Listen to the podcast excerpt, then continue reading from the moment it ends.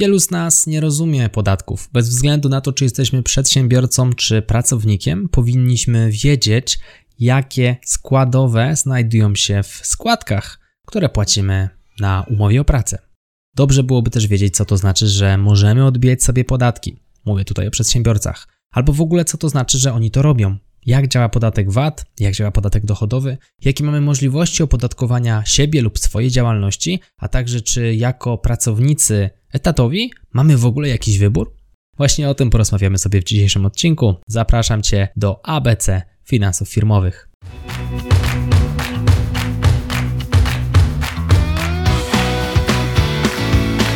Chcesz przenieść swoją karierę na wyższy poziom?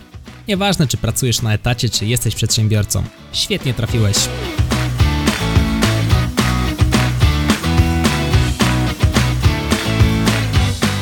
Nazywam się Michał Kowalczyk i witam Cię w Excellent Work Podcast. Zacznijmy od rodzajów opodatkowania. Jako osoby pracujące na etacie nie mamy zbyt dużego wachlarzu możliwości będziemy opodatkowani tak zwaną skalą podatkową. I tutaj, jeżeli zarabiamy do 85 528 zł, będziemy odprowadzali 17% podatku, a to co powyżej to już będzie oprocentowane 32%. Pamiętajmy o zasadzie wspólnego rozliczania, czyli jeżeli mamy małżonka lub małżonkę, możemy połączyć nasze wspólne zarobki, no i wtedy ta kwota zostaje pomnożona razy dwa. Jeżeli któraś ze stron zarabia mniej, no to będzie to dla nas jak najbardziej korzystne. Jeżeli ktoś przekracza te 85 tysięcy w zaokrągleniu, możemy dodać przychody jednego i drugiego małżonka, tak aby zaoszczędzić nieco podatku. W przypadku przedsiębiorców sprawa wygląda nieco bardziej skomplikowanie, jeśli mogę tak powiedzieć. Otóż mamy kilka możliwości opodatkowania. Możemy korzystać ze skali podatkowej, ale w przypadku przedsiębiorców, którzy mają duże przychody, no nie jest to zbyt opłacalne. Bardzo często przedsiębiorcy wybierają tak zwany podatek liniowy. Podatek liniowy polega na tym, że bez względu na to, ile zarabiamy, płacimy 19% podatku od wszystkiego. 19% podatku dochodowego, a więc ten podatek jest wyższy. Natomiast jeżeli zaczynamy swoją działalność gospodarczą, zaczynamy z biznesem i spodziewamy się zarabiać powyżej 85 tysięcy, dobrze byłoby rozważyć przejście na podatek liniowy. Zmianę sposobu opodatkowania możemy wykonać najczęściej albo na początku założenia działalności, albo do 20 stycznia nowego roku, a więc pamiętajmy, aby taką decyzję podjąć właśnie do tej daty. Możemy też wybrać opcję ryczałtu. Ryczałt polega na tym, że koszty nie zostają nam tutaj w żaden sposób uwzględnione, jeżeli chodzi o podatek dochodowy. A więc jeżeli zarobimy 50 tysięcy, to od tych 50 tysięcy będziemy płacili stałą stawkę podatkową, tak zwany właśnie ryczałt. I to jest coś, co może okazać się opłacalne w sytuacji, w której generujemy niskie koszty. No i na samym końcu mamy do wyboru jeszcze kartę podatkową, natomiast karta podatkowa jest dedykowana pewnym specjalnym zawodom, dość myślę niszowym. Nie każdy może z takiej karty podatkowej tutaj skorzystać, a więc nie będziemy się na ten temat mocno rozwodzili. Zastanówmy się teraz nad podatkiem dochodowym, nad podatkiem VAT i nad tak zwanym cashflow. Jak to wygląda w strukturach firmy? Otóż VAT dotyczy wszystkich. Bez względu na to, czy pracujesz na etacie, czy prowadzisz swoje przedsiębiorstwo, będziesz tak czy inaczej ten podatek VAT płacił. Nawet jeżeli jesteś z niego zwolniony, no to jako osoba prywatna z tego VAT-u regularnie korzystasz. Chodzi o to, że pewne produkty są opodatkowane według pewnych procentów. Mamy tutaj najczęściej 23%, 8%. To jest podatek, który regularnie uiszczamy, płacąc, kupując artykuły. Często nie robimy tego bezpośrednio, zazwyczaj robi to w naszym imieniu przedsiębiorca, natomiast przedsiębiorca jest swego rodzaju pośrednikiem pomiędzy nami a urzędem skarbowym, bo to właśnie tam trafiają podatki. Teraz o co chodzi z tym całym cashflow, o co chodzi z tym odbijaniem sobie podatków, czy to dochodowego, czy to podatku VAT, to jest ta scena, w której dowiesz się o tym nieco więcej. Przede wszystkim firma musi zadbać o płynność finansową. I teraz dlaczego powinna o nią zadbać i czym właściwie ta płynność jest? Płynność finansowa to jest sytuacja, w której przedsiębiorstwo jest w stanie spłacić osoby, którym jest dłużna pieniądze. A więc jeżeli kupiła jakieś towary z odroczonym terminem płatności, będzie w stanie za te towary zapłacić. Podobnie w przypadku podatków. Jeżeli sprzedała jakieś towary, to będzie dłużna urzędowi skarbowemu kwoty podatków, czy to podatku dochodowego, czy to podatku VAT. A więc dobrze byłoby, gdyby miała ten podatek jak zapłacić. I teraz, żebyśmy tak nie rozmawiali w chmurze, porozmawiajmy sobie na cyfrach, na tyle, na ile jest to oczywiście możliwe w podcaście.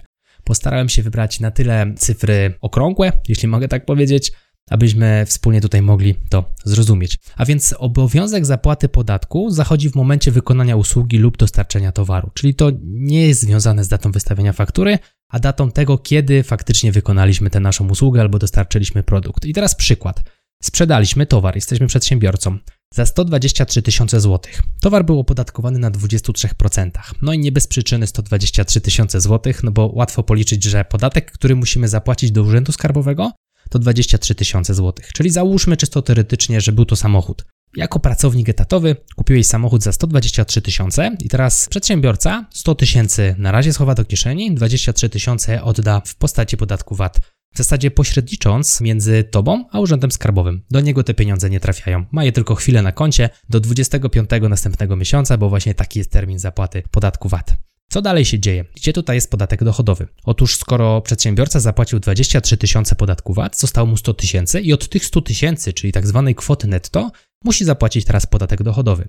No i tutaj przychodzi scena rodzajów opodatkowania, o których rozmawialiśmy w pierwszej części tego podcastu, a więc albo podatek liniowy, albo zasady ogólne, albo ryczałt. Przyjmijmy, że, są to, że jest to podatek liniowy, bardzo często zresztą wybierany. A więc w przypadku podatku liniowego taki podatek wynosi 19%, a więc od tych 100 tysięcy musimy odliczyć sobie 19 tysięcy złotych podatku dochodowego, który płacimy swoją drogą do 20 dnia kolejnego miesiąca. Czyli realnie jako przedsiębiorca dostajemy na konto 123 tysiące, 23 tysiące płacimy jako VAT, a 19 jako podatek dochodowy. Zostaje nam zatem w kieszeni 81 tysięcy czystego zysku i to są faktycznie pieniądze, które możemy sobie wydawać. No bo podatek dochodowy i VAT nie są nasze, są to pieniądze Urzędu Skarbowego. Teraz w sytuacji, gdy wydalibyśmy wszystkie pieniądze, no mogłoby się okazać, że brakuje nam pieniędzy na podatek. Pojawia się tutaj jednak jedna zmienna, mianowicie właśnie koszty, które możemy sobie odbijać. A więc o co z tym chodzi? Zobaczmy. Kupiliśmy sobie teraz jakiś towar za 80 tysięcy złotych na 23% VAT. A więc mieliśmy 123 tysiące złotych przychodu i mamy teraz 80 tysięcy złotych kosztu. Są to koszty brutto. A więc 80 tysięcy złotych, 23% z tych 80 tysięcy to jest w zaokrągleniu 15 tysięcy złotych. Czyli realnie do urzędu skarbowego mieliśmy zapłacić 23 tysiące złotych. Teraz kupiliśmy coś, w czym było zawarte 15 tysięcy złotych VAT-u. A więc to nie my odprowadzimy te 15 tysięcy złotych VAT-u, tylko ten, komu daliśmy pieniądze. W tym momencie to my stajemy się klientem, a nie sprzedawcą. A więc pozostajemy dłużni urzędowi skarbowemu jeszcze 8 tysięcy. To 15, które my mieliśmy mu zapłacić, zapłaci ktoś inny w naszym imieniu, ponieważ my jesteśmy klientem. Świetnie, a więc pozbyliśmy się w zasadzie 15 tysięcy złotych podatku i to jest właśnie odbicie sobie kosztu. Te 15 tysięcy i tak musielibyśmy zapłacić do urzędu skarbowego, a więc realnie kupując coś za 80 tysięcy złotych kosztuje nas 165, bo te 15 w zasadzie nie było nasze. Świetnie, ale to nie koniec, bo przecież mamy jeszcze podatek liniowy. No właśnie, podatek dochodowy również jest tutaj uwzględniony, ponieważ w tym przypadku ponieśliśmy pewien koszt. Patrzmy teraz na kwoty netto. Mieliśmy wcześniej 100 tysięcy, które dostaliśmy od naszych klientów, teraz mamy 65 tysięcy, które wydaliśmy. Zobaczmy zatem, jak to wygląda z punktu widzenia podatku dochodowego. Nadal jesteśmy na 19% podatku liniowego, a więc 19% z kwoty 65 tysięcy to jest około 12 350 zł. A więc znowu, wcześniej mieliśmy zapłacić 19 tysięcy złotych podatku, teraz już ten podatek niejako uiściliśmy poprzez naszego kontrahenta, czyli te 12 350 również możemy odbić, a więc do Urzędu Skarbowego zostaje nam do odbicia 6650 zł. Czyli gdybyśmy użyli takiego dużego zaokrąglenia, tutaj 12, tutaj 15, Realnie zaoszczędziliśmy 27 tysięcy złotych podatku, czyniąc inwestycje. No i właśnie tak to działa w dużym skrócie. W ten sposób przedsiębiorcy mogą odbijać sobie koszty. Wygląda to jak bajka, natomiast pamiętaj o tym, że realnie ten VAT i tak płacimy. Nieważne, czy to ten konkretny przedsiębiorca, czy ktoś w jego imieniu. Ten VAT czy podatek dochodowy trafia do Urzędu Skarbowego właśnie w takiej kwocie, w jakiej powinien. A kto płaci te pieniądze do Urzędu Skarbowego, to dla Urzędu Skarbowego w zasadzie wszystko jedno. Kwoty się zgadzają. Świetnie, no to teraz może powiedzmy trochę więcej o umowie o pracę. Coś, co dotyczy znacznie bardziej osób pracujących na etacie, ale również i pracodawców. Bardzo bym chciał, aby świadomość tego, jak działa umowa o pracę w naszym kraju, była wysoka. A dlaczego? Dlatego, że no, z tego co mi wiadomo, niestety nie jest w tym temacie dobrze. Zakładamy, że przedsiębiorcy to bardzo niedobrzy ludzie i nas okradają. Natomiast zobaczmy, w jakiejś części oczywiście, zobaczmy, jak to wygląda, jeżeli chodzi o naszą umowę o pracę. Przyjmijmy kwotę 5000 zł brutto, czyli to jest kwota, którą realnie znajdziemy na naszej umowie o pracę.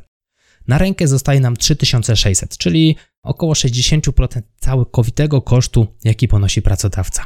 Jak 60%? Już wyjaśniam.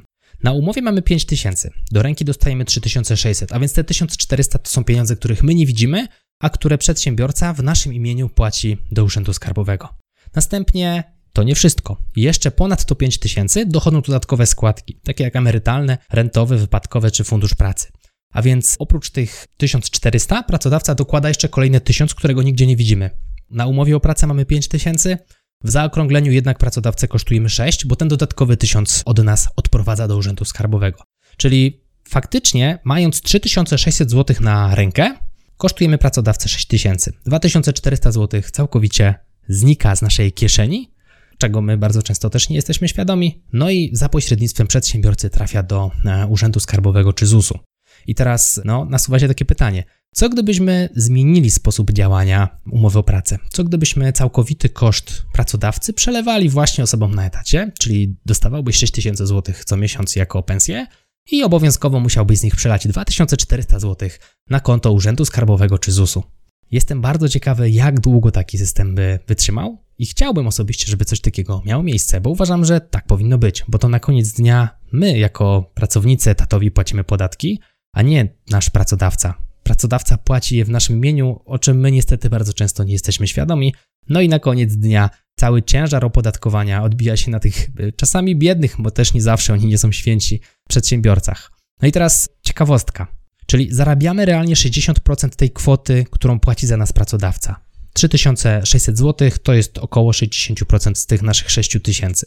Natomiast to nie wszystko. Pamiętajmy o tym, że z tych 3600 zł na rękę płacimy przecież też podatek VAT, który w jednych produktach zawiera się w postaci 8%, w innych w postaci 23%, a więc średnio przyjmijmy, że ten podatek VAT wynosi około 15%, czyli 15% z tych 60%, które zarabiamy. A więc okazuje się, że realnie kosztujemy pracodawcę około 6000 zł, a do wydania mamy jakieś 51% z tego.